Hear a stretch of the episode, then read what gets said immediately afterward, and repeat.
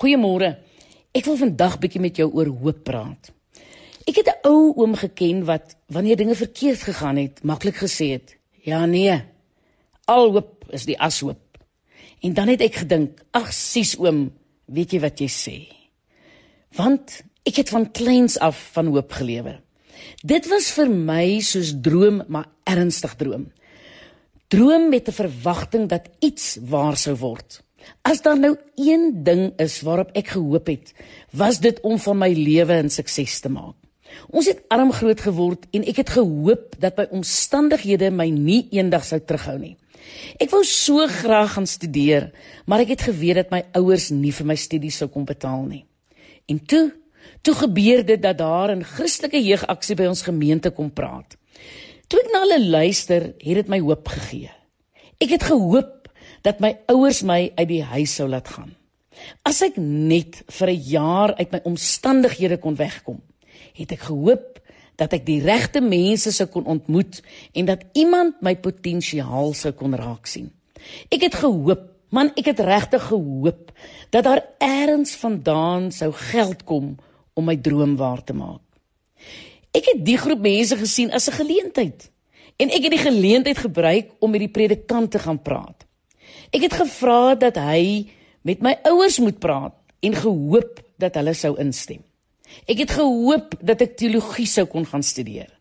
Hy het dit toe gedoen en my pa het vir die kerkraad gevra of hulle nie vir my studie sou betaal nie. Hulle het nee gesê, maar twee ooms, oom Lukas en oom Kobus het besluit om in my te belê. Ek was verskriklik dankbaar, maar ek het geweet dis God wat my hoop gebed beantwoord het. Ek het ook toe ek klein was een keer, toe ek by my ouma gaan kuier het, op Khalil Gibran se boekie afgekom. Dit was so 'n klein avokado groen boekie met materiaal oorgetrek. Ek was 'n fees vir die kinders wat in die boekie gekrap het, maar ek het die boekie begin lees. Ek het gelees van die mense wat vir die profeet gevra het. Profeet, praat met ons oor kinders. Praat met ons oor die toekoms, oor geluk, oor droefheid en sommer baie ander dinge. En toe ek daai wonderlike boekie lees, het daar iets in my gebeur. Daar het 'n hoop in my wakker geword dat ek ook eendag 'n tipe van iemand sal wees vir wie mense sou vra, praat met ons oor goed. So ek dink daai boekie het 'n saadjie in my gesaai dat ek vir groepe mense sou staan en hulle lewens sou kon beïnvloed. Daar was nog 'n keer wat ek kan onthou dat ek hardop gehoop het. Ek is in my vroeë 20's genooi om na 'n tyddeel aanbieding van 'n hotel te gaan luister. En daar was 'n groot vriendelike vrou wat so mooi aangetrek was. Jong in die een oomblik het sy Afrikaans gepraat en die ander oomblik het sy Engels gepraat. En ek het ek het daar gesit en ek het gehoop dat ek dit ook eendag sal kan doen.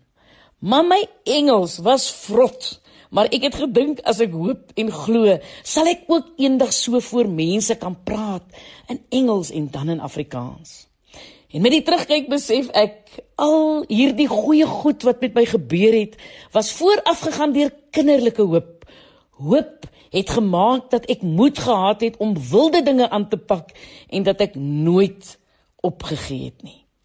Jy sien om te hoop beteken dat daar geen sekerheid is nie.